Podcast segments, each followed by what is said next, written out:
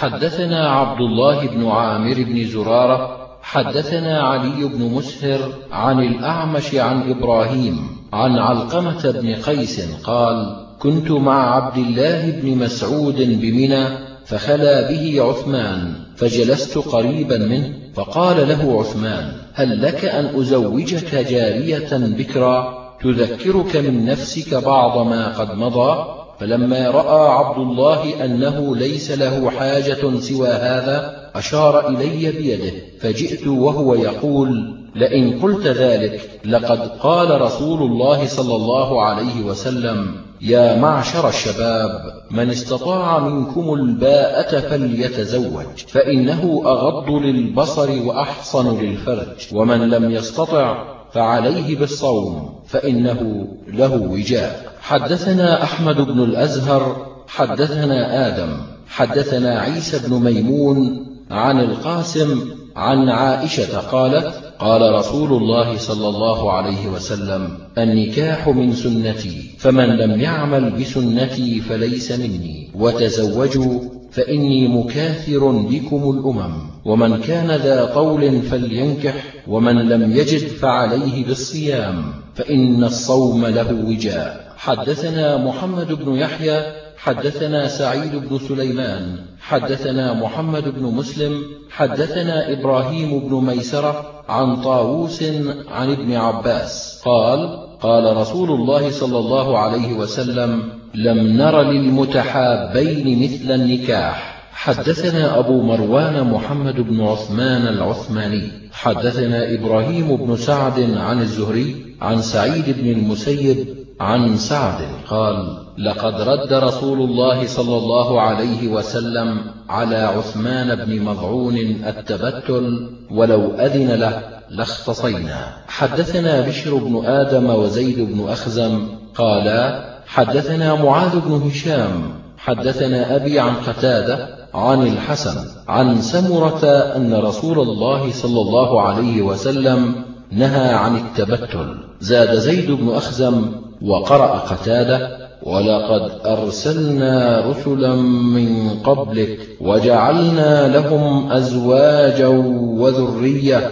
حدثنا أبو بكر بن أبي شيبة حدثنا يزيد بن هارون عن شعبة عن أبي قزعة عن حكيم بن معاوية عن أبيه أن رجلا سأل النبي صلى الله عليه وسلم ما حق المرأة على الزوج؟ قال أن يطعمها إذا طعم وأن يكسوها إذا اكتسى ولا يضرب الوجه ولا يقبح ولا يهجر إلا في البيت. حدثنا أبو بكر بن أبي شيبة حدثنا الحسين بن علي عن زائدة عن شبيب بن غرقدة البارقي عن سليمان بن عمرو بن الأحوص حدثني أبي أنه شهد حجة الوداع مع رسول الله صلى الله عليه وسلم فحمد الله وأثنى عليه وذكر ووعظ ثم قال استوصوا بالنساء خيرا فإنهن عندكم عوان. ليس تملكون منهن شيئا غير ذلك إلا أن يأتين بفاحشة مبينة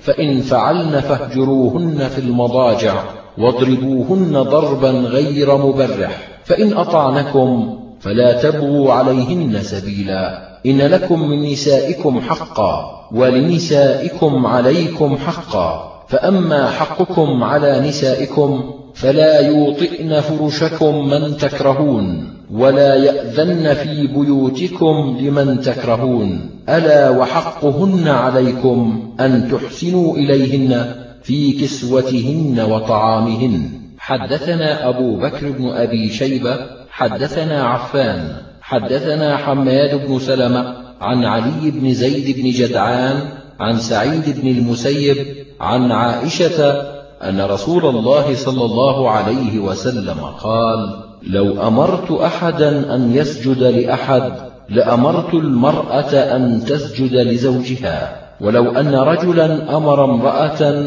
أن تنقل من جبل أحمر إلى جبل أسود ومن جبل أسود إلى جبل أحمر لكان نولها أن تفعل. حدثنا أزهر بن مروان حدثنا حماد بن زيد عن أيوب عن القاسم الشيباني عن عبد الله بن أبي أوفى قال لما قدم معاذ من الشام سجد للنبي صلى الله عليه وسلم.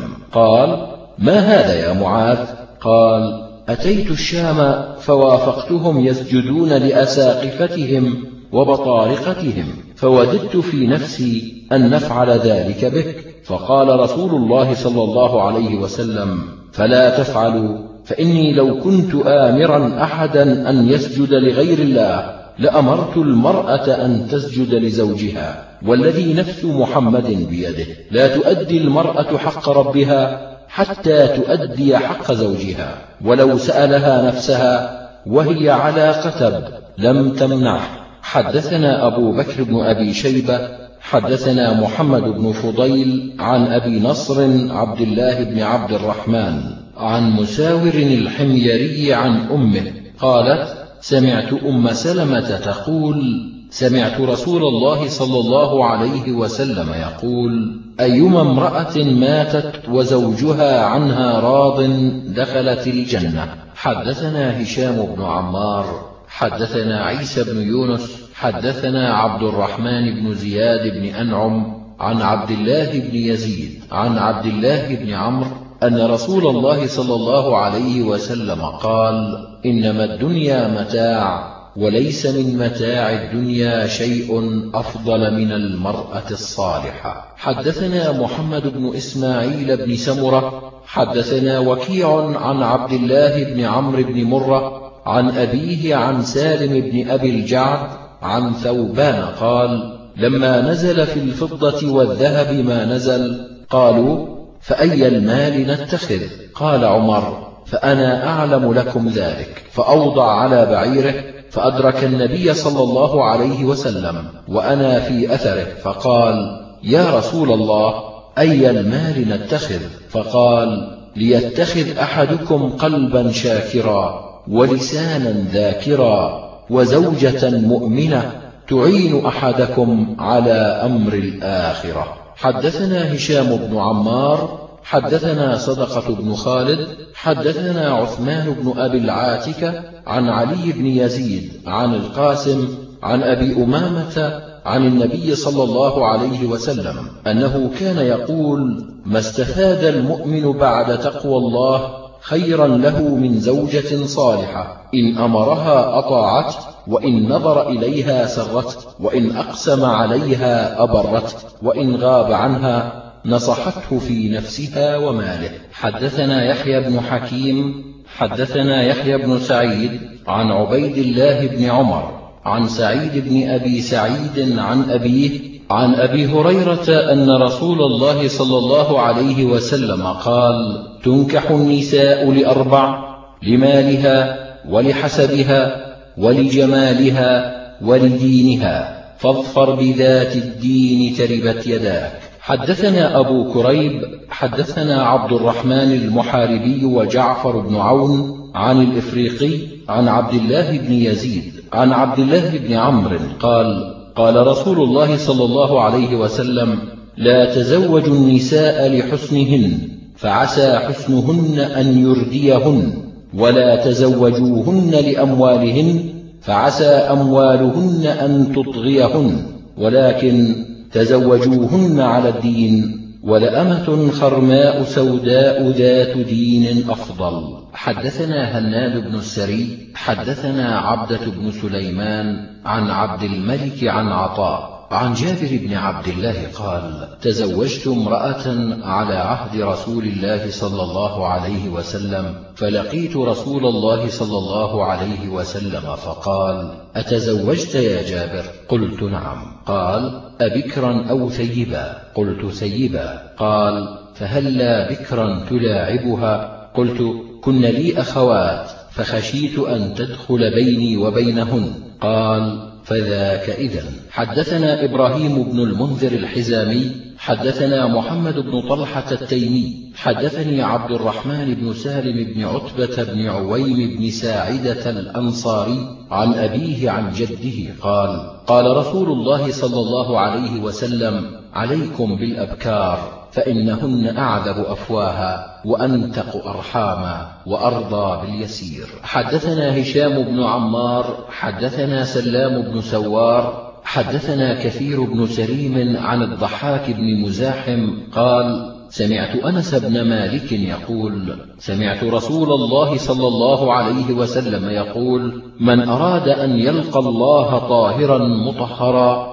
فليتزوج الحرائر. حدثنا يعقوب بن حميد بن كاسب حدثنا عبد الله بن الحارث المخزومي عن طلحة عن عطاء عن أبي هريرة قال قال رسول الله صلى الله عليه وسلم انكحوا فإني مكاثر بكم. حدثنا أبو بكر بن أبي شيبة حدثنا حفص بن غياث عن حجاج عن محمد بن سليمان عن عمه سهل بن أبي حثمة عن محمد بن سلمة قال خطبت امرأة فجعلت أتخبأ لها حتى نظرت إليها في نخل لها فقيل له أتفعل هذا وأنت صاحب رسول الله صلى الله عليه وسلم؟ فقال سمعت رسول الله صلى الله عليه وسلم يقول إذا ألقى الله في قلب امرئ خطبة امرأة فلا بأس أن ينظر إليها. حدثنا الحسن بن علي الخلال وزهير بن محمد ومحمد بن عبد الملك. قالوا حدثنا عبد الرزاق عن معمر عن ثابت عن أنس بن مالك أن المغيرة بن شعبة أراد أن يتزوج امرأة فقال له النبي صلى الله عليه وسلم اذهب فانظر إليها فإنه أحرى أن يؤدم بينكما. ففعل فتزوجها فذكر من موافقتها. حدثنا الحسن بن أبي الربيع أنبأنا عبد الرزاق عن معمر عن ثابت البناني عن بكر بن عبد الله المزني عن المغيرة بن شعبة قال أتيت النبي صلى الله عليه وسلم فذكرت له امرأة أخطبها فقال اذهب فانظر إليها فإنه أجدر أن يؤدم بينكما. فأتيت امرأة من الأنصار فخطبتها إلى أبويها وأخبرتهما بقول النبي صلى الله عليه وسلم فكأنهما كرها ذلك قال فسمعت ذلك المرأة وهي في خدرها فقالت إن كان رسول الله صلى الله عليه وسلم أمرك أن تنظر فانظر وإلا فأنشدك كأنها أعظم ذلك. قال فنظرت إليها فتزوجتها فذكر من موافقتها. حدثنا هشام بن عمار وسهل بن أبي سهل قالا حدثنا سفيان بن عيينة عن الزهري عن سعيد بن المسيب عن أبي هريرة قال قال رسول الله صلى الله عليه وسلم لا يخطب الرجل على خطبة أخيه. حدثنا يحيى بن حكيم حدثنا يحيى بن سعيد عن عبيد الله بن عمر عن نافع عن ابن عمر قال قال رسول الله صلى الله عليه وسلم لا يخطب الرجل على خطبة أخيه. حدثنا أبو بكر بن أبي شيبة وعلي بن محمد. قالا حدثنا وكيع حدثنا سفيان عن أبي بكر بن أبي الجهم بن سخير العدوي قال سمعت فاطمة بنت قيس تقول قال لي رسول الله صلى الله عليه وسلم إذا حللت فآذنيني. فآذنته فخطبها معاوية وأبو الجهم بن سخير وأسامة بن زيد. فقال رسول الله صلى الله عليه وسلم أما معاوية فرجل ترب لا مال له. وأما أبو الجهم فرجل ضراب للنساء ولكن أسامة. فقالت بيدها هكذا. أسامة أسامة. فقال لها رسول الله صلى الله عليه وسلم طاعة الله وطاعة رسوله خير لك. قالت فتزوجته فاغتبطت به. حدثنا إسماعيل بن موسى السدي حدثنا مالك بن أنس عن عبد الله بن الفضل الهاشمي عن نافع بن جبير بن مطعم عن ابن عباس قال قال رسول الله صلى الله عليه وسلم الأيم أولى بنفسها من وليها والبكر تستأمر في نفسها. قيل يا رسول الله إن البكر تستحي أن تتكلم. قال إذنها سكوتها. حدثنا عبد الرحمن بن إبراهيم الدمشقي. حدثنا الوليد بن مسلم. حدثنا الأوزاعي. حدثني يحيى بن أبي كثير عن أبي سلمة عن أبي هريرة عن النبي صلى الله عليه وسلم. قال لا تنكح الثيب حتى تستأمر ولا البكر حتى تستأذن. وإذنها الصموت حدثنا عيسى بن حماد المصري أنبأنا الليث بن سعد عن عبد الله بن عبد الرحمن بن أبي حسين عن عدي بن عدي الكندي عن أبيه قال قال رسول الله صلى الله عليه وسلم الثيب تعرب عن نفسها والبكر رضاها صمتها. حدثنا أبو بكر بن أبي شيبة حدثنا يزيد بن هارون عن يحيى بن سعيد أن القاسم بن محمد أخبره أن عبد الرحمن بن يزيد ومجمع بن يزيد الأنصاريين أخبراه أن رجلا منهم يدعى خداما أنكح ابنة له فكرهت نكاح أبيها فأتت رسول الله صلى الله عليه وسلم فذكرت له فرد عليها نكاح أبيها فنكحت أبا لبابة بن عبد المنذر وذكر يحيى أنها كانت ثيبا حدثنا هناد بن السري حدثنا وكيع عن كهمس بن الحسن عن ابن بريدة عن أبيه قال جاءت فتاة إلى النبي صلى الله عليه وسلم فقالت إن أبي زوجني ابن أخيه ليرفع بي خسيسته. قال فجعل الأمر إليها فقالت قد أجزت ما صنع أبي ولكن أردت أن تعلم النساء. أن ليس إلى الآباء من الأمر شيء. حدثنا أبو السقر يحيى بن يزيد العسكري حدثنا الحسين بن محمد المروروذي حدثني جرير بن حازم عن أيوب عن أكرمة عن ابن عباس أن جارية بكرا أتت النبي صلى الله عليه وسلم فذكرت له أن أباها زوجها وهي كارهة فخيرها النبي صلى الله عليه وسلم. حدثنا محمد بن الصباح أنبأنا معمر بن سليمان الرقي عن زيد بن حبان عن أيوب السختياني عن أكرمة عن ابن عباس عن النبي صلى الله عليه وسلم مثله. حدثنا سويد بن سعيد حدثنا علي بن مسهر حدثنا هشام بن عروة عن أبيه عن عائشة قالت تزوجني رسول الله صلى الله عليه وسلم وأنا بنت ست سنين فقدمنا المدينة فنزلنا في بني الحارث بن الخزرج فوعكت فتمرق شعري حتى وفى له جميمة فأتتني أمي أم رومان وإني لفي أرجوحة ومعي صواحبات لي فصرخت بي فأتيتها وما أدري ما تريد فأخذت بيدي فأوقفتني على باب الدار وإني لأنهج حتى سكن بعض نفسي ثم أخذت شيئا من ماء فمسحت به على وجهي ورأسي ثم أدخلتني الدار فإذا نسوة من الأنصار في بيت فقلن على الخير والبركة وعلى خير طائر. فأسلمتني إليهن فأصلحن من شأني فلم يرعني إلا رسول الله صلى الله عليه وسلم ضحى فأسلمتني إليه وأنا يومئذ بنت تسع سنين. حدثنا أحمد بن سنان حدثنا أبو أحمد حدثنا إسرائيل عن أبي إسحاق عن أبي عبيدة عن عبد الله قال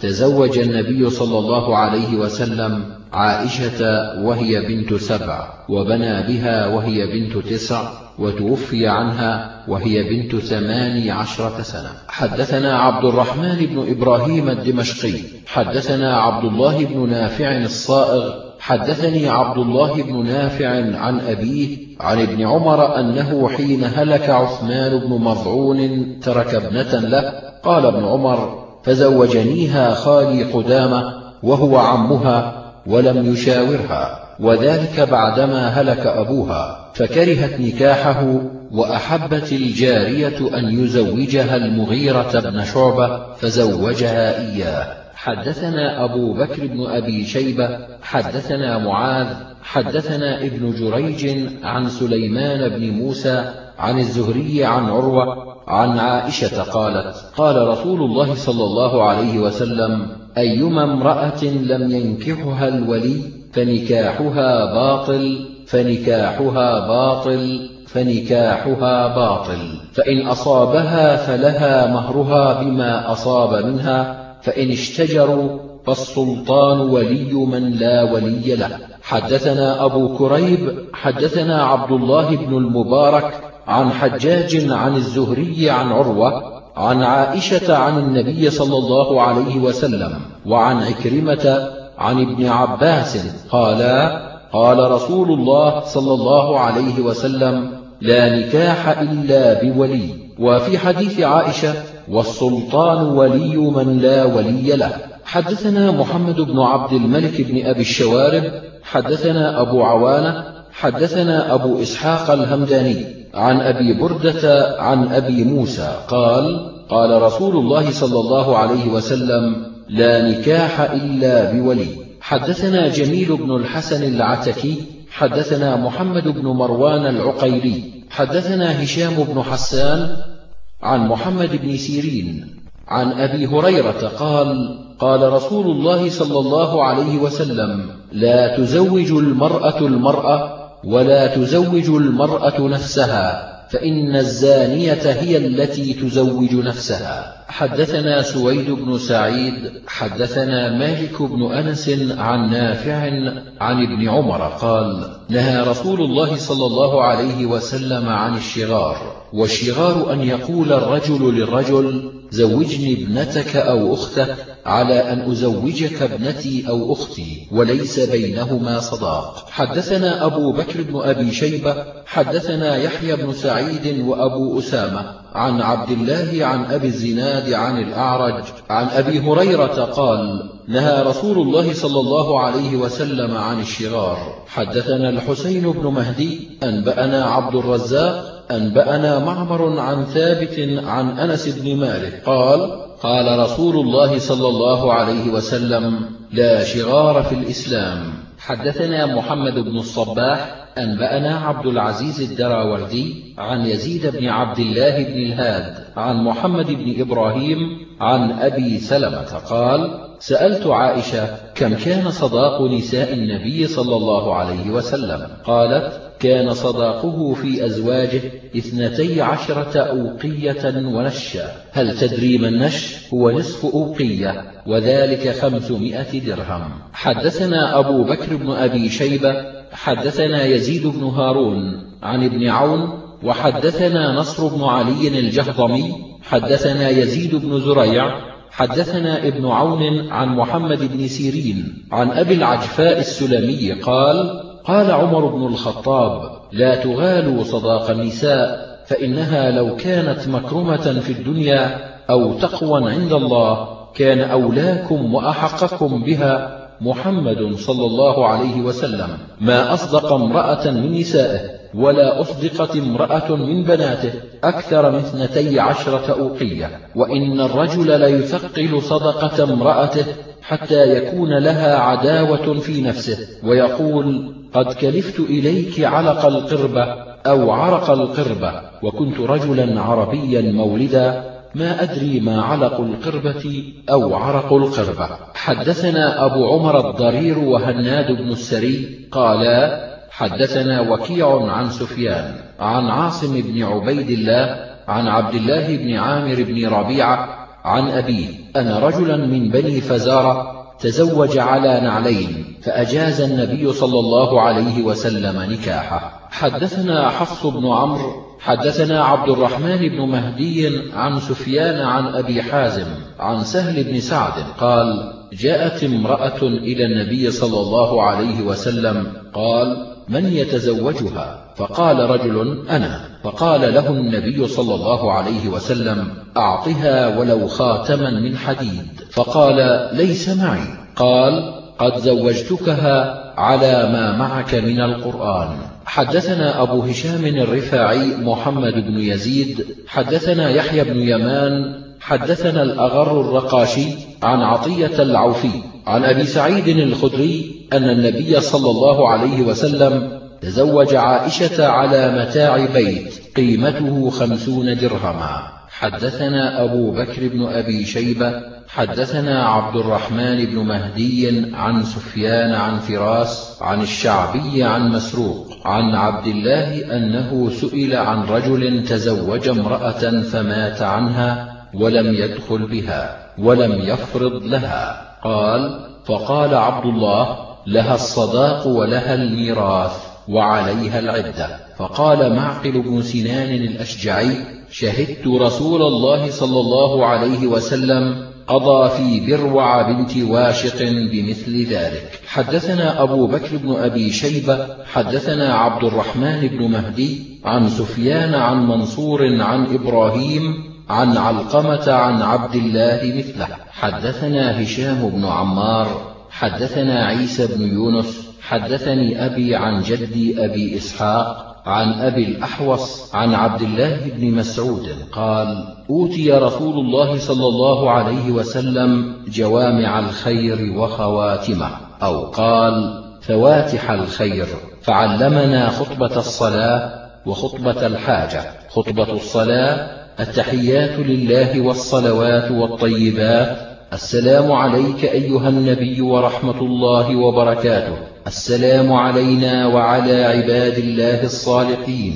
أشهد أن لا إله إلا الله وأشهد أن محمدا عبده ورسوله. وخطبة الحاجة أن الحمد لله نحمده ونستعينه ونستغفره ونعوذ بالله من شرور أنفسنا ومن سيئات أعمالنا. من يهده الله فلا مضل له ومن يضلل فلا هادي له وأشهد أن لا إله إلا الله وحده لا شريك له وأشهد أن محمدا عبده ورسوله. ثم تصل خطبتك بثلاث آيات من كتاب الله. يا أيها الذين آمنوا اتقوا الله حق تقاته إلى آخر الآية.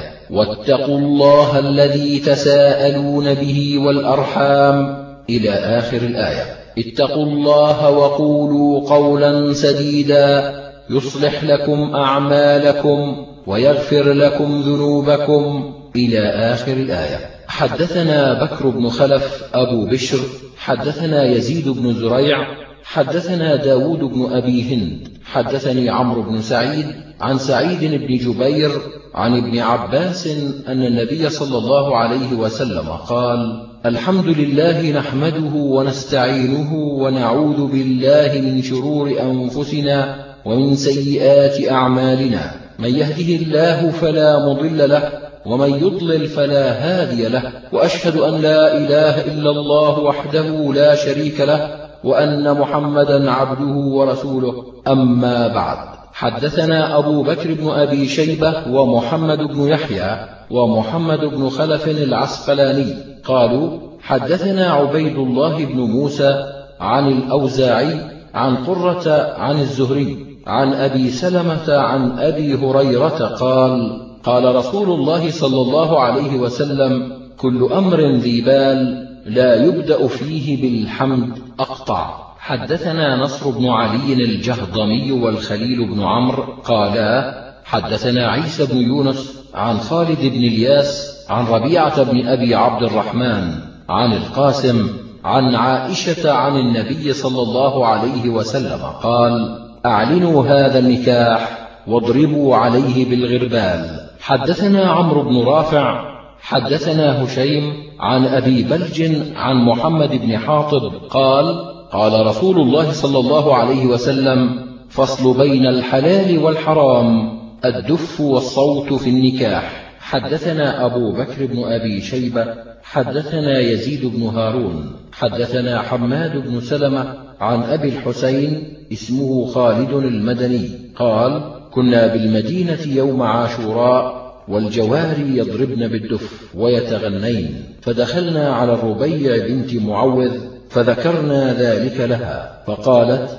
دخل علي رسول الله صلى الله عليه وسلم صبيحة عرسي وعندي جاريتان يتغنيان وتندبان آبائي الذين قتلوا يوم بدر وتقولان فيما تقولان وفينا نبي يعلم ما في غد فقال أما هذا فلا تقولوه. ما يعلم ما في غد إلا الله. حدثنا أبو بكر بن أبي شيبة حدثنا أبو أسامة عن هشام بن عروة عن أبيه عن عائشة قالت دخل علي أبو بكر وعندي جاريتان من جوار الأنصار تغنيان بما تقاولت به الأنصار في يوم بوعاث قالت وليستا بمغنيتين. فقال أبو بكر أبمزمور الشيطان في بيت النبي صلى الله عليه وسلم وذلك في يوم عيد الفطر. فقال النبي صلى الله عليه وسلم يا أبا بكر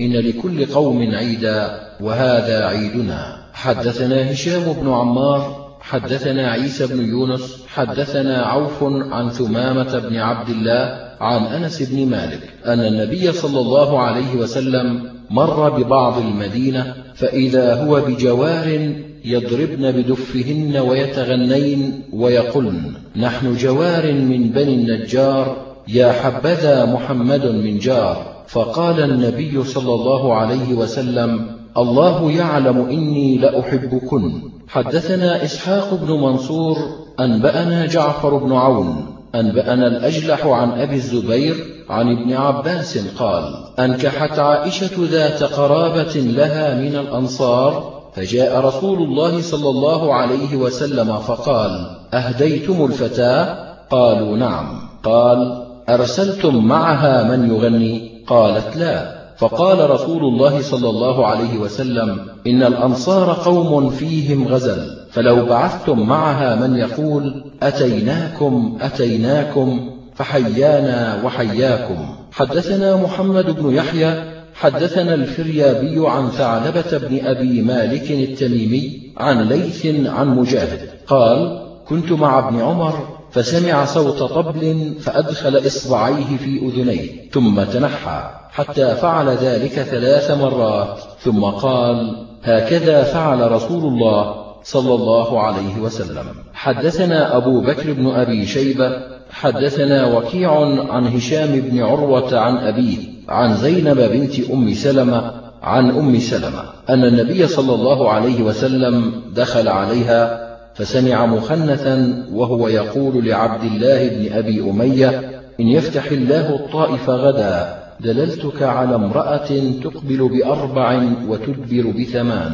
فقال رسول الله صلى الله عليه وسلم أخرجوه من بيوتكم. حدثنا يعقوب بن حميد بن كاسب حدثنا عبد العزيز بن أبي حازم عن سهيل عن أبيه عن أبي هريرة أن رسول الله صلى الله عليه وسلم لعن المرأة تتشبه بالرجال والرجل يتشبه بالنساء. حدثنا أبو بكر بن خلاد الباهلي حدثنا خالد بن الحارث حدثنا شعبة عن قتادة عن أكرمة عن ابن عباس أن النبي صلى الله عليه وسلم لعن المتشبهين من الرجال بالنساء ولعن المتشبهات من النساء بالرجال. حدثنا سويد بن سعيد حدثنا عبد العزيز بن محمد الدراوردي عن سهيل بن أبي صالح عن أبيه عن أبي هريرة أن النبي صلى الله عليه وسلم كان إذا رفأ قال بارك الله لكم وبارك عليكم وجمع بينكما في خير. حدثنا محمد بن بشار حدثنا محمد بن عبد الله حدثنا أشعث عن الحسن عن عقيل بن أبي طالب أنه تزوج امرأة من بني جشم فقالوا بالرفاء والبنين. فقال لا تقولوا هكذا ولكن قولوا كما قال رسول الله صلى الله عليه وسلم اللهم بارك لهم وبارك عليهم. حدثنا أحمد بن عبدة حدثنا حماد بن زيد حدثنا ثابت البناني عن أنس بن مالك أن النبي صلى الله عليه وسلم رأى على عبد الرحمن بن عوف أثر صفرة فقال ما هذا؟ أو ما فقال يا رسول الله إني تزوجت امرأة على وزن نواة من ذهب. فقال بارك الله لك أولم ولو بشاه حدثنا أحمد بن عبدة حدثنا حماد بن زيد عن ثابت البناني عن أنس بن مالك قال ما رأيت رسول الله صلى الله عليه وسلم أولم على شيء من نسائه ما أولم على زينب. فإنه ذبح شاة حدثنا محمد بن أبي عمر العدني وغياث بن جعفر الرحبي. قالا حدثنا سفيان بن عيينة حدثنا وائل بن داود عن أبيه عن الزهري عن أنس بن مالك أن النبي صلى الله عليه وسلم أولم على صفية بسويق وتمر. حدثنا زهير بن حرب أبو خيثمة حدثنا سفيان عن علي بن زيد بن جدعان عن أنس بن مالك قال شهدت للنبي صلى الله عليه وسلم وليمة ما فيها لحم ولا خبز. قال ابن ماجه لم يحدث به إلا ابن عيينة. حدثنا سويد بن سعيد حدثنا الفضل بن عبد الله عن جابر عن الشعبي عن مسروق عن عائشة وأم سلمة قالتا أمرنا رسول الله صلى الله عليه وسلم أن نجهز فاطمة حتى ندخلها على علي. فعمدنا إلى البيت ففرشناه ترابا لينا من أعراض البطحاء. ثم حشونا مرفقتين ليفا فنفشناه بأيدينا. ثم أطعمنا تمرا وزبيبا وسقينا ماء عذبا. وعمدنا إلى عود فعرضناه في جانب البيت ليلقى عليه الثوب ويعلق عليه السقاء. فما رأينا عرسا أحسن من عرس فاطمة. حدثنا محمد بن الصباح أنبأنا عبد العزيز بن أبي حازم حدثني أبي عن سهل بن سعد الساعدي قال دعا أبو أسيد الساعدي رسول الله صلى الله عليه وسلم إلى عرسه فكانت خادمهم العروس. قالت تدري ما سقيت رسول الله صلى الله عليه وسلم؟ قالت أنقعت تمرات من الليل. فلما أصبحت صفيتهن فأسقيتهن إياه. حدثنا علي بن محمد حدثنا سفيان بن عيينة عن الزهري عن عبد الرحمن الأعرج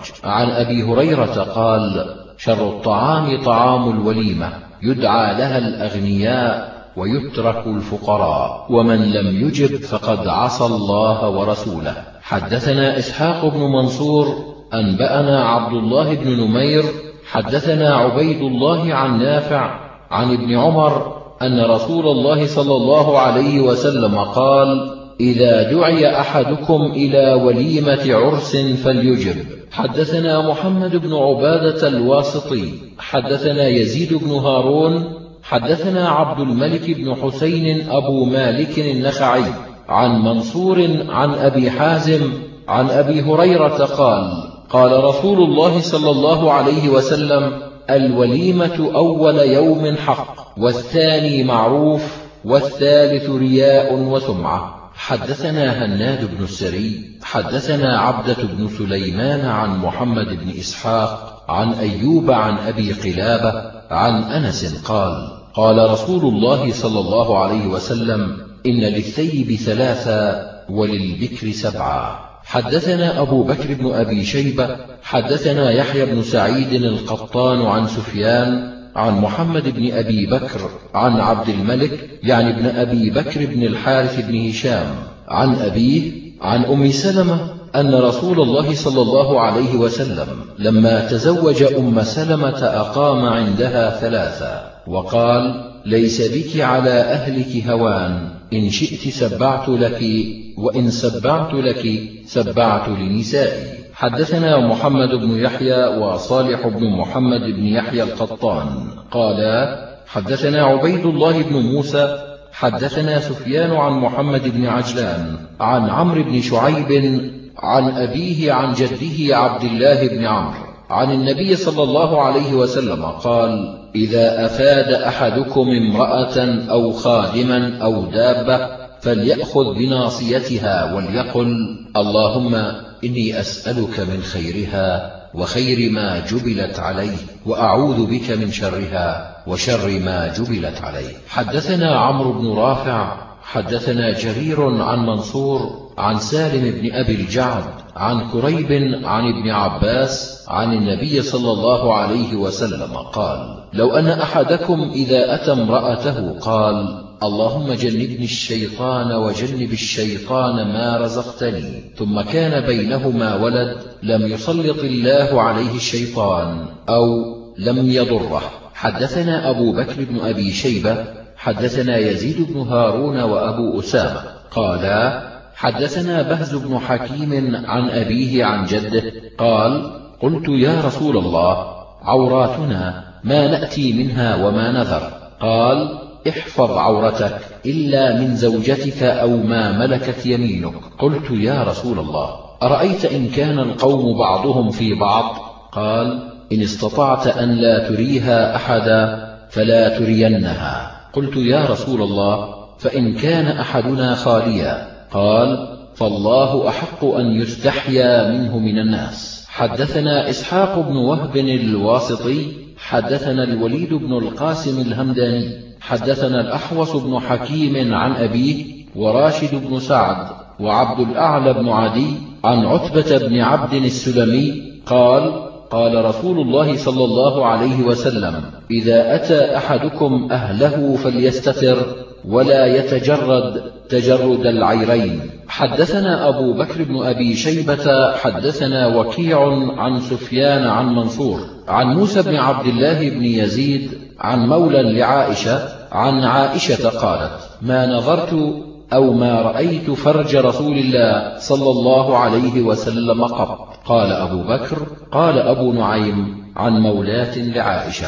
حدثنا محمد بن عبد الملك بن أبي الشوارب حدثنا عبد العزيز بن المختار عن سهيل بن أبي صالح عن الحارث بن مخلد عن أبي هريرة عن النبي صلى الله عليه وسلم قال لا ينظر الله إلى رجل جامع امرأته في دبرها. حدثنا أحمد بن عبده أنبأنا عبد الواحد بن زياد عن حجاج بن أرطات عن عمرو بن شعيب عن عبد الله بن هرمي عن خزيمة بن ثابت قال قال رسول الله صلى الله عليه وسلم إن الله لا يستحيي من الحق ثلاث مرات لا تأتوا النساء في أدبارهن.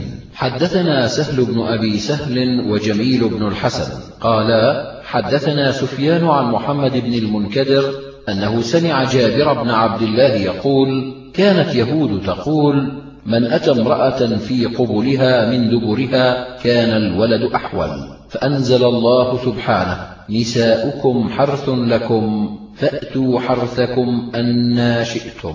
حدثنا أبو مروان محمد بن عثمان العثماني حدثنا إبراهيم بن سعد عن ابن شهاب حدثني عبيد الله بن عبد الله عن أبي سعيد الخدري قال سأل رجل رسول الله صلى الله عليه وسلم عن العزل فقال أو تفعلون لا عليكم أن لا تفعلوا فإنه ليس من نسمة قضى الله لها أن تكون إلا هي كائنة. حدثنا هارون بن إسحاق الهمداني حدثنا سفيان عن عمرو عن عطاء عن جابر قال كنا نعزل على عهد رسول الله صلى الله عليه وسلم والقرآن ينزل. حدثنا الحسن بن علي الخلال حدثنا إسحاق بن عيسى حدثنا ابن لهيعة حدثني جعفر بن ربيعة عن الزهري عن محرز بن أبي هريرة عن أبيه عن عمر بن الخطاب قال نهى رسول الله صلى الله عليه وسلم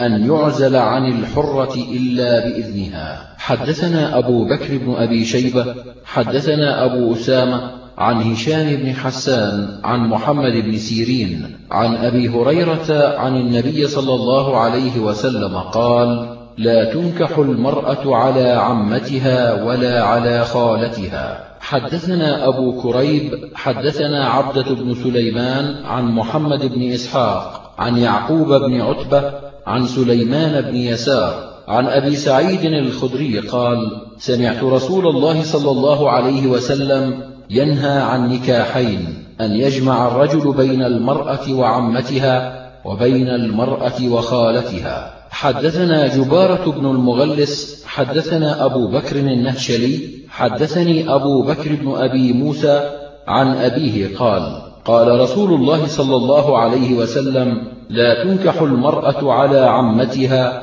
ولا على خالتها. حدثنا أبو بكر بن أبي شيبة حدثنا سفيان بن عيينة عن الزهري أخبرني عروة عن عائشة أن امرأة رفاعة القراضي جاءت إلى رسول الله صلى الله عليه وسلم فقالت إني كنت عند رفاعة فطلقني فبت طلاقي فتزوجت عبد الرحمن بن الزبير وإنما معه مثل هدبة الثوب. فتبسم النبي صلى الله عليه وسلم فقال أتريدين أن ترجعي إلى رفاعة؟ لا حتى تذوقي عسيلته ويذوق عسيلتك حدثنا محمد بن بشار حدثنا محمد بن جعفر حدثنا شعبة عن علقمة بن مرثد قال سمعت سلم بن زرير يحدث عن سالم بن عبد الله عن سعيد بن المسيب عن ابن عمر عن النبي صلى الله عليه وسلم في الرجل تكون له المرأة فيطلقها فيتزوجها رجل فيطلقها قبل أن يدخل بها. أترجع إلى الأول؟ قال لا حتى يذوق العسيلة. حدثنا محمد بن بشار حدثنا أبو عامر عن زمعة بن صالح عن سلمة بن وهرام عن عكرمة عن ابن عباس قال لعن رسول الله صلى الله عليه وسلم المحلل والمحلل له. حدثنا محمد بن إسماعيل بن البختري الواسطي حدثنا أبو أسامة عن ابن عون ومجالد عن الشعبي. عن الحارث عن علي قال لعن رسول الله صلى الله عليه وسلم المحلل والمحلل له. حدثنا يحيى بن عثمان بن صالح المصري. حدثنا أبي قال سمعت الليث بن سعد يقول قال لي أبو مصعب مشرح بن هاعان قال عقبة بن عامر قال رسول الله صلى الله عليه وسلم ألا أخبركم بالتيس المستعار؟ قالوا بلى يا رسول الله. قال هو المحلل لعن الله المحلل والمحلل له. حدثنا أبو بكر بن أبي شيبة حدثنا عبد الله بن نمير عن الحجاج عن الحكم عن عراك بن مالك عن عروة عن عائشة قالت قال رسول الله صلى الله عليه وسلم يحرم من الرضاع ما يحرم من النسب. حدثنا حميد بن مسعدة وأبو بكر بن خلاد. قالا حدثنا خالد بن الحارث حدثنا سعيد عن قتادة عن جابر بن زيد عن ابن عباس أن رسول الله صلى الله عليه وسلم أريد على بنت حمزة بن عبد المطلب فقال إنها ابنة أخي من الرضاعة. وإنه يحرم من الرضاعة ما يحرم من النسب. حدثنا محمد بن رمح أنبأنا الليث بن سعد عن يزيد بن أبي حبيب عن ابن شهاب عن عروة بن الزبير أن زينب بنت أبي سلمة حدثته أن أم حبيبة حدثتها أنها قالت لرسول الله صلى الله عليه وسلم. انكح أختي عزة. قال رسول الله صلى الله عليه وسلم أتحبين ذلك؟ قالت نعم يا رسول الله فلست لك بمخلية. وأحق من شركني في خير أختي. قال رسول الله صلى الله عليه وسلم فإن ذلك لا يحل لي. قالت فإنا نتحدث أنك تريد أن تنكح درة بنت أبي سلمة. فقال بنت أم سلمة؟ قالت نعم. قال رسول الله صلى الله عليه وسلم فإنها لو لم تكن ربيبتي في حجري ما حلت لي. إنها لابنة أخي من الرضاعة أرضعتني وأباها ثويبة فلا تعرضن علي أخواتكن ولا بناتكن. حدثنا أبو بكر بن أبي شيبة حدثنا عبد الله بن نمير عن هشام بن عروة عن أبيه عن زينب بنت أم سلمة عن أم حبيبة عن النبي صلى الله عليه وسلم نحوه. حدثنا أبو بكر بن أبي شيبة حدثنا محمد بن بشر حدثنا ابن أبي عروبة عن قتادة عن أبي الخليل عن عبد الله بن الحارث أن أم الفضل حدثته أن رسول الله صلى الله عليه وسلم قال لا تحرم الرضعة ولا الرضعتان أو المصة والمصتان. حدثنا محمد بن خالد بن خداش حدثنا ابن علية عن أيوب عن ابن أبي مليكة عن عبد الله بن الزبير عن عائشة عن النبي صلى الله عليه وسلم قال لا تحرم المصة والمصتان. حدثنا عبد الوارث بن عبد الصمد بن عبد الوارث حدثنا أبي حدثنا حماد بن سلمة عن عبد الرحمن بن القاسم عن أبيه عن عمرة عن عائشة أنها قالت كان فيما أنزل الله من القرآن ثم سقط لا يحرم إلا عشر رضعات أو خمس معلومات. حدثنا هشام بن عمار حدثنا سفيان بن عيينة عن عبد الرحمن بن القاسم عن أبيه. عن عائشة قالت جاءت سهلة بنت سهيل إلى النبي صلى الله عليه وسلم فقالت يا رسول الله إني أرى في وجه أبي حذيفة الكراهية من دخول سالم عليه. فقال النبي صلى الله عليه وسلم أرضعيه. قالت كيف أرضعه وهو رجل كبير؟ فتبسم رسول الله صلى الله عليه وسلم وقال قد علمت أنه رجل كبير. ففعلت. فأتت النبي صلى الله عليه وسلم فقالت ما رأيت في وجه أبي حذيفة شيئا أكرهه بعد وكان شهد بدرا. حدثنا أبو سلمة يحيى بن خلف حدثنا عبد الأعلى عن محمد بن إسحاق عن عبد الله بن أبي بكر عن عمرة عن عائشة وعن عبد الرحمن بن القاسم عن أبيه عن عائشة قالت لقد نزلت آية الرجم ورضاعة الكبير عشرا ولقد كان في صحيفة تحت سريري فلما مات رسول الله صلى الله عليه وسلم وتشاغلنا بموته دخل داجن فأكلها. حدثنا أبو بكر بن أبي شيبة حدثنا وكيع عن سفيان عن أشعث بن أبي الشعثاء عن أبيه عن مسروق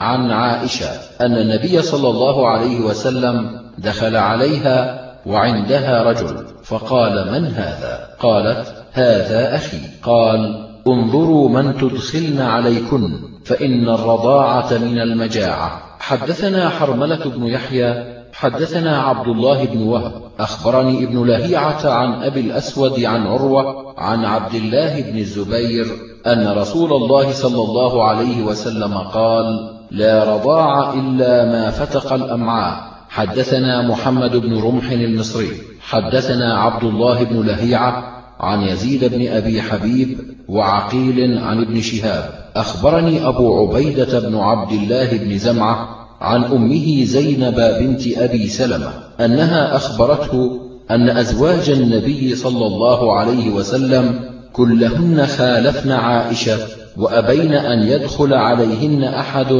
بمثل رضاعة سالم مولى أبي حذيفة وقلنا وما يدرينا لعل ذلك كانت رخصة لسالم وحده. حدثنا أبو بكر بن أبي شيبة حدثنا سفيان بن عيينة عن الزهري عن عروة عن عائشة قالت أتاني عمي من الرضاعة أفلح بن أبي قعيس يستأذن علي بعدما ضرب الحجاب فأبيت أن آذن له حتى دخل علي النبي صلى الله عليه وسلم فقال إنه عمك فأذني له.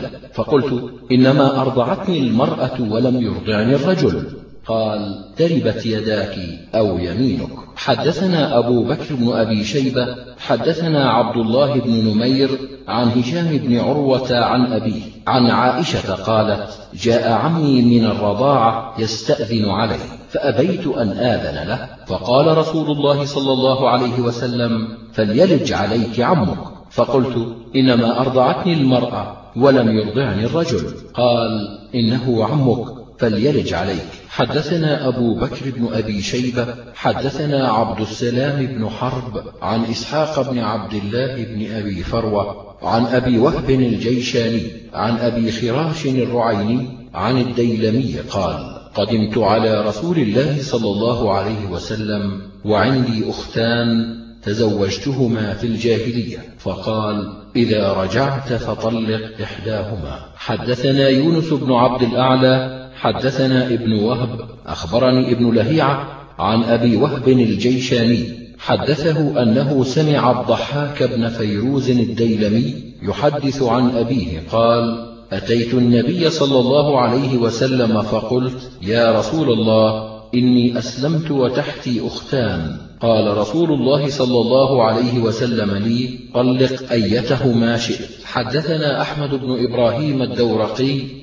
حدثنا هشيم عن ابن أبي ليلى عن حميضة بنت الشمردل عن قيس بن الحارث قال أسلمت وعندي ثمان نسوة فأتيت النبي صلى الله عليه وسلم فقلت ذلك له فقال اختر منهن أربعة. حدثنا يحيى بن حكيم حدثنا محمد بن جعفر حدثنا معمر عن الزهري عن سالم عن ابن عمر قال أسلم غيلان بن سلمة وتحته عشر نسوة فقال له النبي صلى الله عليه وسلم خذ منهن أربعة. حدثنا عمرو بن عبد الله ومحمد بن إسماعيل قالا حدثنا أبو أسامة عن عبد الحميد بن جعفر عن يزيد بن أبي حبيب عن مرثد بن عبد الله عن عقبة بن عامر. عن النبي صلى الله عليه وسلم قال إن أحق الشرط أن يوفى به ما استحللتم به الفروج. حدثنا أبو كريب حدثنا أبو خالد عن ابن جريج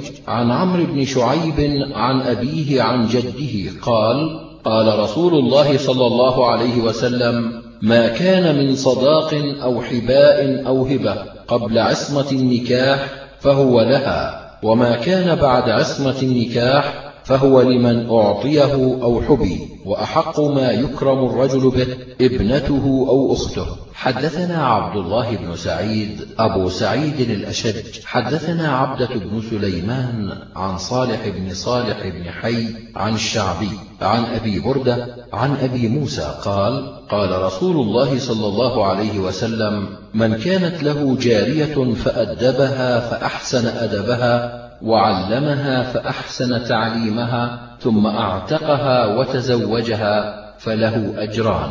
وأيما رجل من أهل الكتاب آمن بنبيه وآمن بمحمد فله أجران. وأيما عبد مملوك أدى حق الله عليه وحق مواليه فله أجران. قال صالح قال الشعبي قد أعطيتكها بغير شيء. إن كان الراكب ليركب فيما دونها إلى المدينة. حدثنا أحمد بن عبده حدثنا حماد بن زيد حدثنا ثابت وعبد العزيز عن أنس. قال صارت صفية لدحية الكلبي ثم صارت لرسول الله صلى الله عليه وسلم بعد فتزوجها. وجعل عتقها صداقها. قال حماد فقال عبد العزيز لثابت يا أبا محمد أنت سألت أنسا ما أمهرها. قال أمهرها نفسها. حدثنا حبيش بن مبشر حدثنا يونس بن محمد حدثنا حماد بن زيد عن أيوب عن أكرمة عن عائشة أن رسول الله صلى الله عليه وسلم أعتق صفية وجعل عتقها صداقها وتزوجها. حدثنا أزهر بن مروان حدثنا عبد الوارث بن سعيد حدثنا القاسم بن عبد الواحد عن عبد الله بن محمد بن عقيل عن ابن عمر قال قال رسول الله صلى الله عليه وسلم إذا تزوج العبد بغير إذن سيده كان عاهرا. حدثنا محمد بن يحيى وصالح بن محمد بن يحيى بن سعيد. قالا حدثنا أبو غسان مالك بن إسماعيل. حدثنا مندل عن ابن جريج عن موسى بن عقبة عن نافع عن ابن عمر. قال قال رسول الله صلى الله عليه وسلم أيما عبد تزوج بغير إذن مواليه فهو زاني. حدثنا محمد بن يحيى حدثنا بشر بن عمر حدثنا مالك بن أنس عن ابن شهاب عن عبد الله والحسن ابني محمد بن علي عن أبيهما عن علي بن أبي طالب أن رسول الله صلى الله عليه وسلم نهى عن متعة النساء يوم خيبر وعن لحوم الحمر الإنسية. حدثنا أبو بكر بن أبي شيبة حدثنا عبدة بن سليمان عن عبد العزيز بن عمر عن الربيع بن سبرة عن أبيه قال خرجنا مع رسول الله صلى الله عليه وسلم في حجة الوداع فقالوا يا رسول الله إن العزبة قد اشتدت علينا. قال فاستمتعوا من هذه النساء فأتيناهن فأبين أن ينكحننا. إلا أن تجعل بيننا وبينهن أجلا. فذكروا ذلك للنبي صلى الله عليه وسلم فقال اجعلوا بينكم وبينهن أجلا. فخرجت أنا وابن عم لي معه برد ومعي برد وبرده أجود من بردي وأنا أشب منه. فأتينا على امرأة فقالت برد كبرد. فتزوجتها فمكثت عندها تلك الليلة. ثم غدوت ورسول الله صلى الله عليه وسلم قائم بين الركن والباب وهو يقول أيها الناس إني قد كنت أذنت لكم في الاستمتاع ألا وإن الله قد حرمها إلى يوم القيامة. فمن كان عنده منهن شيء فليخل سبيلها ولا تأخذوا مما آتيتموهن شيئا. حدثنا محمد بن خلف العسقلاني. حدثنا الفريابي عن أبان بن أبي حازم عن أبي بكر بن حفص عن ابن عمر قال لما ولي عمر بن الخطاب خطب الناس فقال إن رسول الله صلى الله عليه وسلم أذن لنا في المتعة ثلاثا ثم حرمها. والله لا أعلم أحدا يتمتع وهو محصن إلا رجمته بالحجارة إلا أن يأتيني بأربعة يشهدون. أن رسول الله أحلها بعد إذ حرمها. حدثنا أبو بكر بن أبي شيبة حدثنا يحيى بن آدم حدثنا جرير بن حازم حدثنا أبو فزارة عن يزيد بن الأصم. حدثتني ميمونة بنت الحارث أن رسول الله صلى الله عليه وسلم تزوجها وهو حلال. قال وكانت خالتي وخالة ابن عباس. حدثنا أبو بكر بن خلاد حدثنا سفيان بن عيينة عن عمرو بن دينار عن جابر بن زيد عن ابن عباس أن النبي صلى الله عليه وسلم نكح وهو محرم.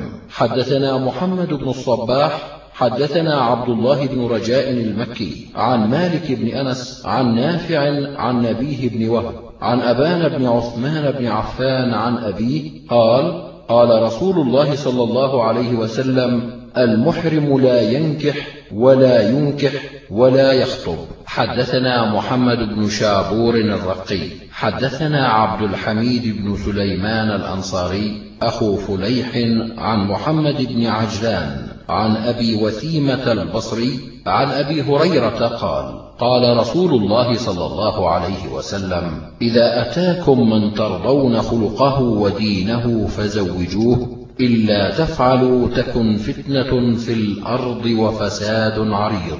حدثنا عبد الله بن سعيد حدثنا الحارث بن عمران الجعفري عن هشام بن عروة عن أبيه عن عائشة قالت قال رسول الله صلى الله عليه وسلم تخيروا لنطفكم وانكحوا الأكفاء وأنكحوا إليهم. حدثنا أبو بكر بن أبي شيبة حدثنا وكيع عن همام عن قتادة عن النضر بن أنس عن بشير بن نهيك عن أبي هريرة قال قال رسول الله صلى الله عليه وسلم من كانت له امرأتان يميل مع إحداهما على الأخرى جاء يوم القيامة وأحد شقيه ساقط. حدثنا أبو بكر بن أبي شيبة ومحمد بن يحيى قالا حدثنا يزيد بن هارون أنبأنا حماد بن سلمة عن أيوب عن أبي قلابة عن عبد الله بن يزيد عن عائشة قالت كان رسول الله صلى الله عليه وسلم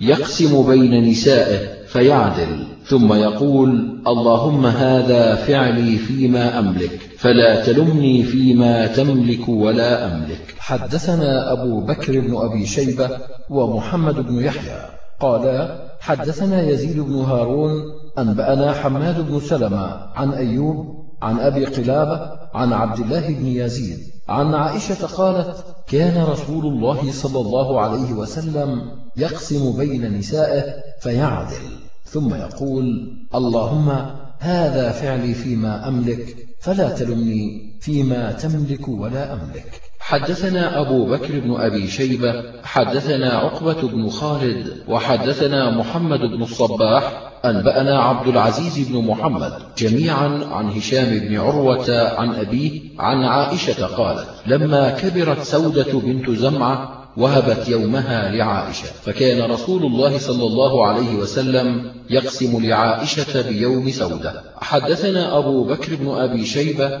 ومحمد بن يحيى قالا حدثنا عفان حدثنا حماد بن سلمة عن ثابت عن سمية عن عائشة أن رسول الله صلى الله عليه وسلم وجد على صفية بنت حيي في شيء فقالت صفية يا عائشة هل لك أن ترضي رسول الله صلى الله عليه وسلم عني ولك يومي؟ قالت نعم. فأخذت خمارا لها مصبوغا بزعفران فرشته بالماء ليفوح ريحه ثم قعدت إلى جنب رسول الله صلى الله عليه وسلم. فقال النبي صلى الله عليه وسلم يا عائشة إليك عني إنه ليس يومك. فقالت ذلك فضل الله يؤتيه من يشاء. فأخبرته بالأمر فرضي عنها. حدثنا حفص بن عمرو حدثنا عمر بن علي عن هشام بن عروة عن أبيه عن عائشة أنها قالت نزلت هذه الآية والصلح خير. في رجل كانت تحته امرأة قد طالت صحبتها وولدت منه أولادا فأراد أن يستبدل بها فراضته على أن تقيم عنده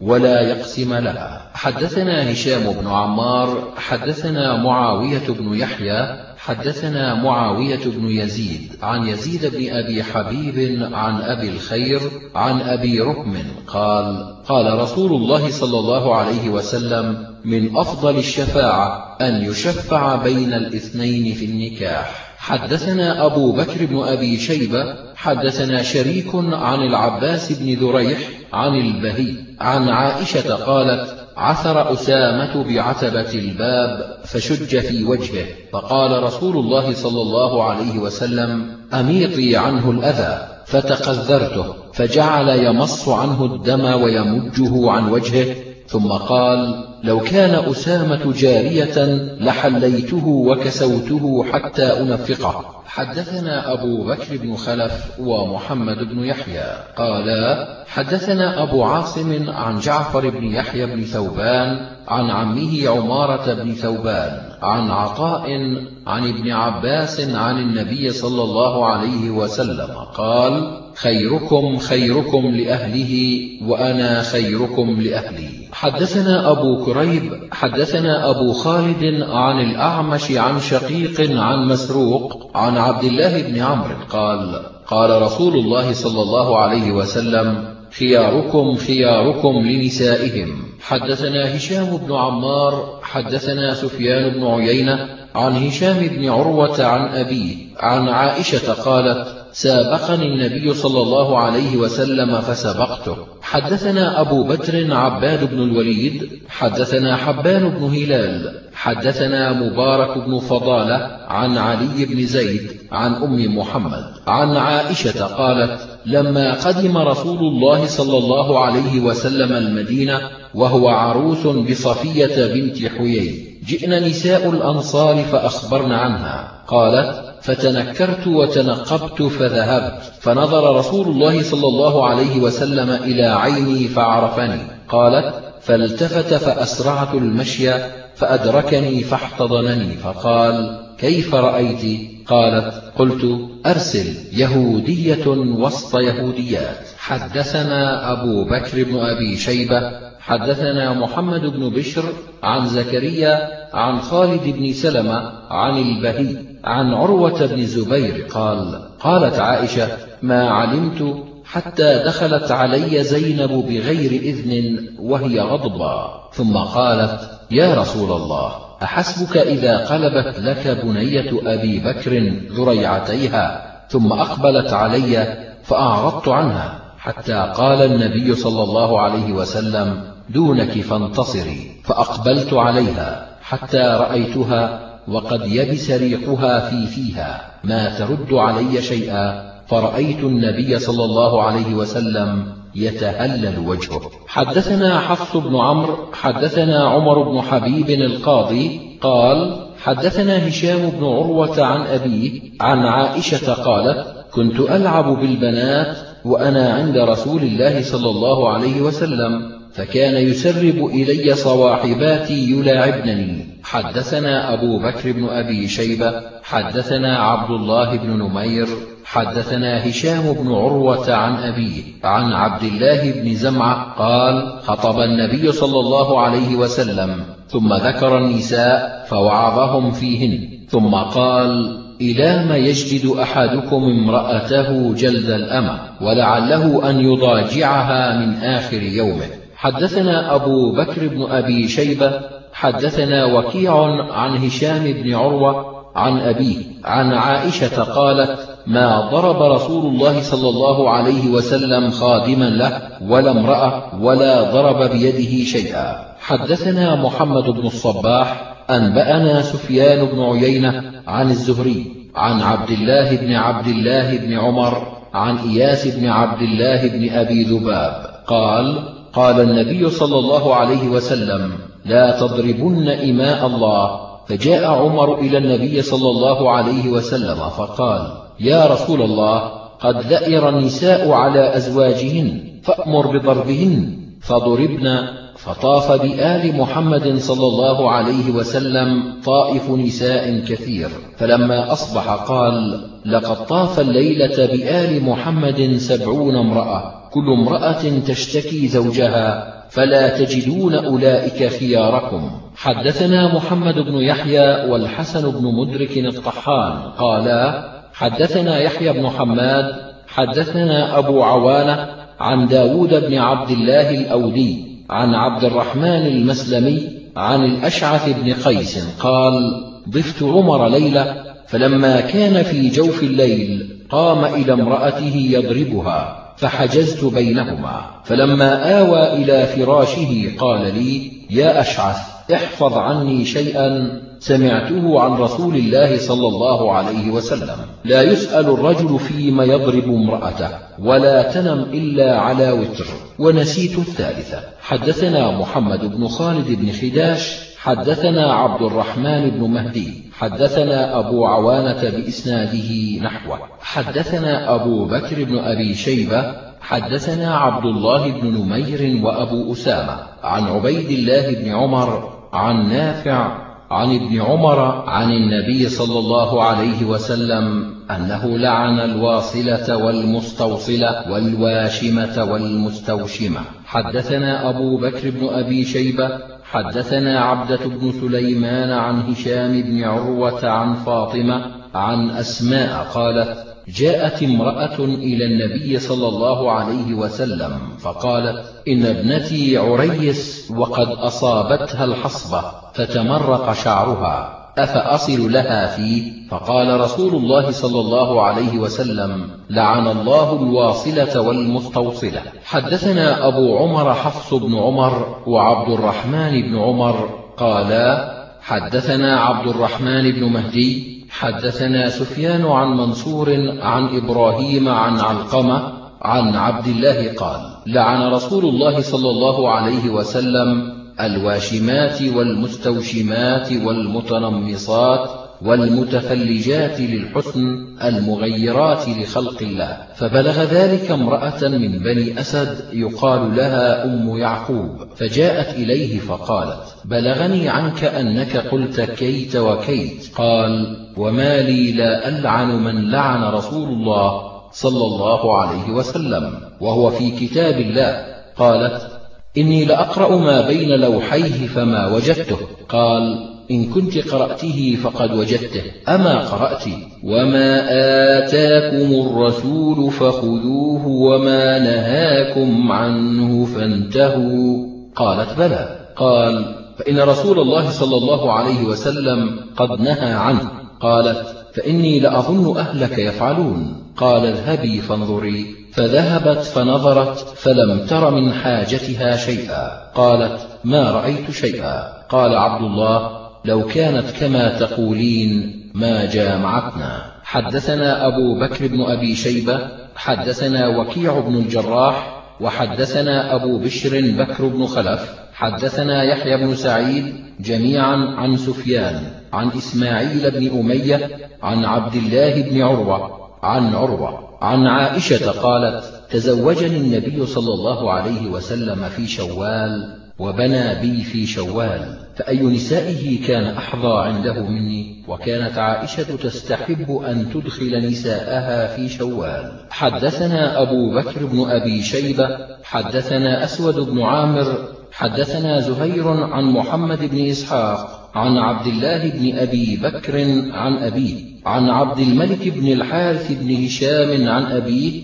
أن النبي صلى الله عليه وسلم تزوج أم سلمة في شوال وجمعها إليه في شوال. حدثنا محمد بن يحيى حدثنا الهيثم بن جميل حدثنا شريك عن منصور ظنه عن طلحة عن خيثمة عن عائشة أن رسول الله صلى الله عليه وسلم أمرها أن تدخل على رجل امرأته قبل أن يعطيها شيئا. حدثنا هشام بن عمار حدثنا إسماعيل بن عياش حدثني سليمان بن سليم الكلبي عن يحيى بن جابر عن حكيم بن معاوية عن عمه مخمر بن معاوية قال سمعت رسول الله صلى الله عليه وسلم يقول لا شؤم وقد يكون اليمن في ثلاثة في المرأة والفرس والدار. حدثنا عبد السلام بن عاصم حدثنا عبد الله بن نافع حدثنا مالك بن أنس عن أبي حازم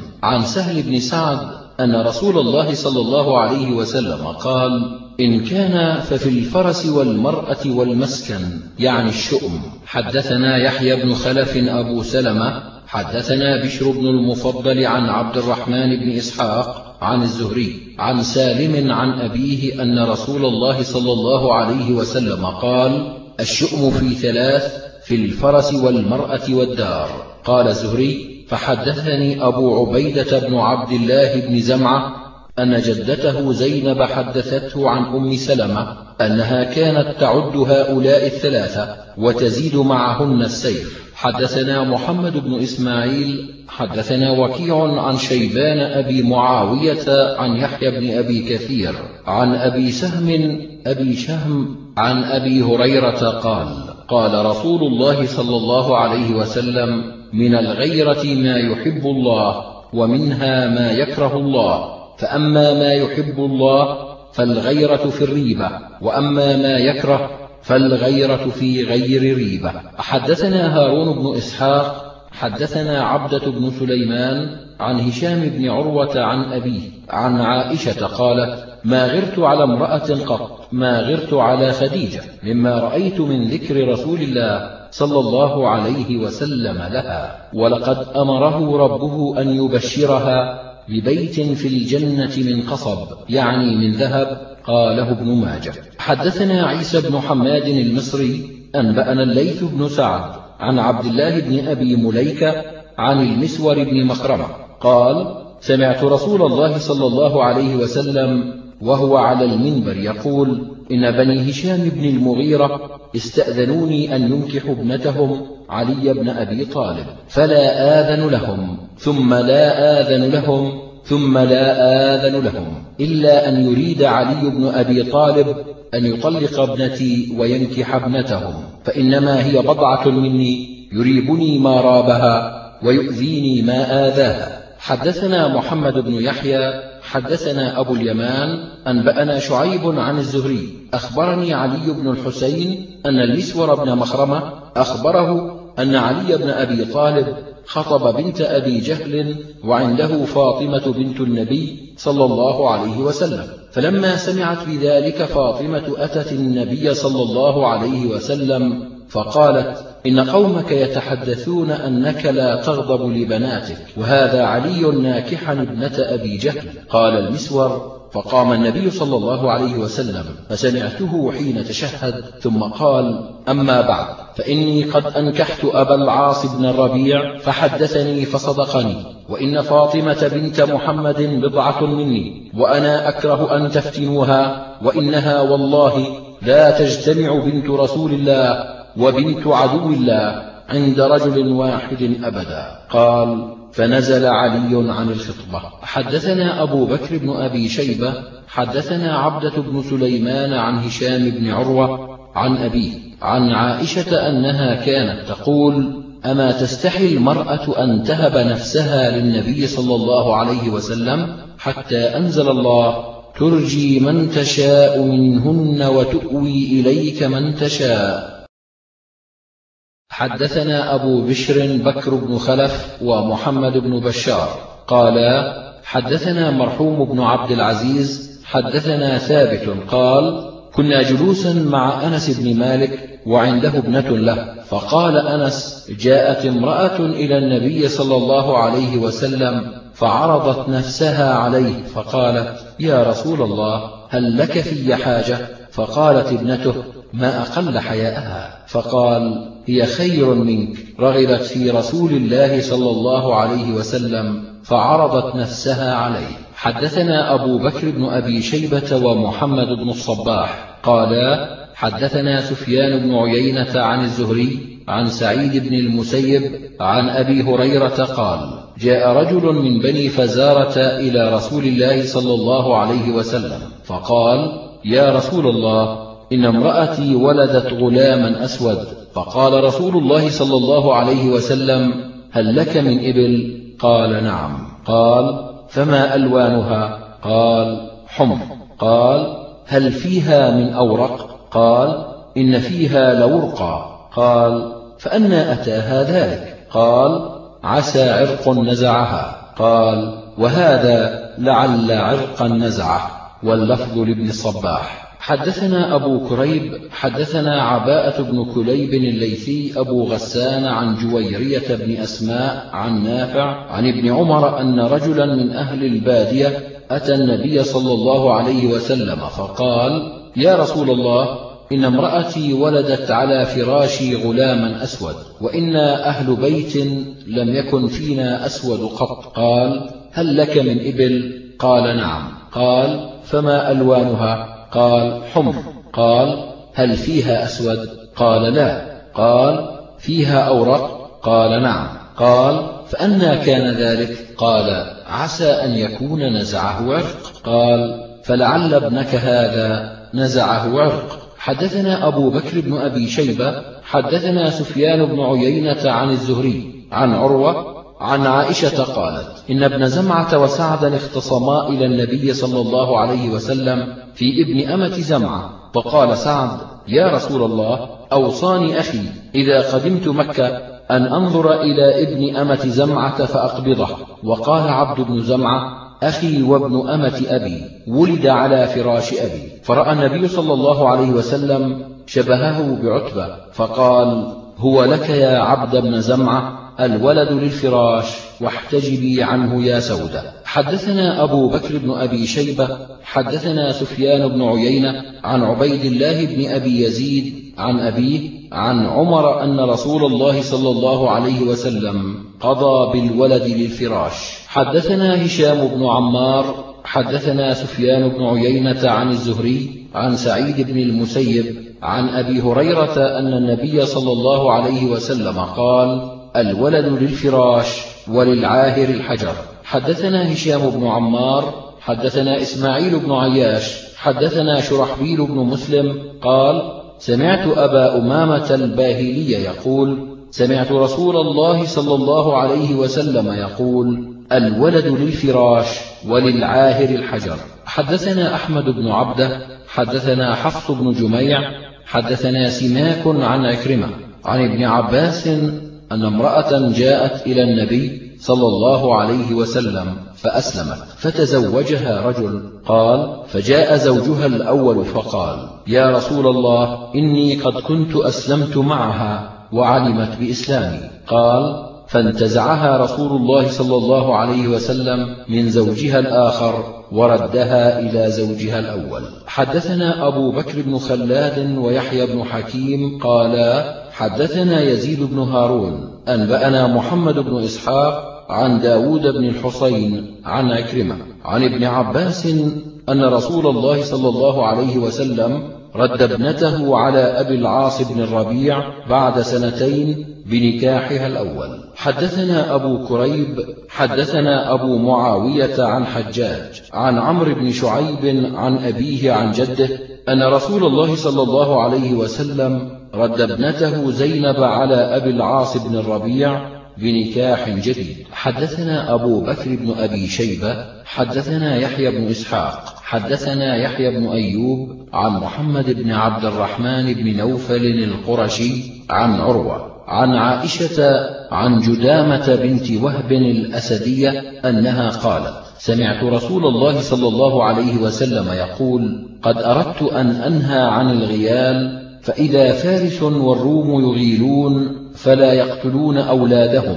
وسمعته يقول وسئل عن العزل فقال هو الوأد الخفي. حدثنا هشام بن عمار حدثنا يحيى بن حمزة عن عمرو بن مهاجر أنه سمع أباه المهاجر بن أبي مسلم يحدث عن أسماء بنت يزيد بن السكن وكانت مولاتة أنها سمعت رسول الله صلى الله عليه وسلم يقول لا تقتلوا أولادكم سرا فوالذي نفسي بيده إن الغيل ليدرك الفارس على ظهر فرسه حتى يصرعه حدثنا محمد بن بشار حدثنا مؤمل حدثنا سفيان عن الأعمش عن سالم بن أبي الجعد عن أبي أمامة قال أتت النبي صلى الله عليه وسلم امرأة معها صبيان لها قد حملت أحدهما وهي تقود الآخر. فقال رسول الله صلى الله عليه وسلم حاملات والدات رحيمات لولا ما يأتين إلى أزواجهن دخل مصلياتهن الجنة. حدثنا عبد الوهاب بن الضحاك حدثنا إسماعيل بن عياش عن بحير بن سعد عن خالد بن معدان عن كثير بن مرة عن معاذ بن جبل قال قال رسول الله صلى الله عليه وسلم لا تؤذي امرأة زوجها إلا قالت زوجته من الحور العين لا تؤذيه قاتلك الله فإنما هو عندك دخيل أوشك أن يفارقك إلينا. حدثنا يحيى بن معل بن منصور حدثنا إسحاق بن محمد الفروي حدثنا عبد الله بن عمر عن نافع عن ابن عمر عن النبي صلى الله عليه وسلم قال لا يحرم الحرام الحلال.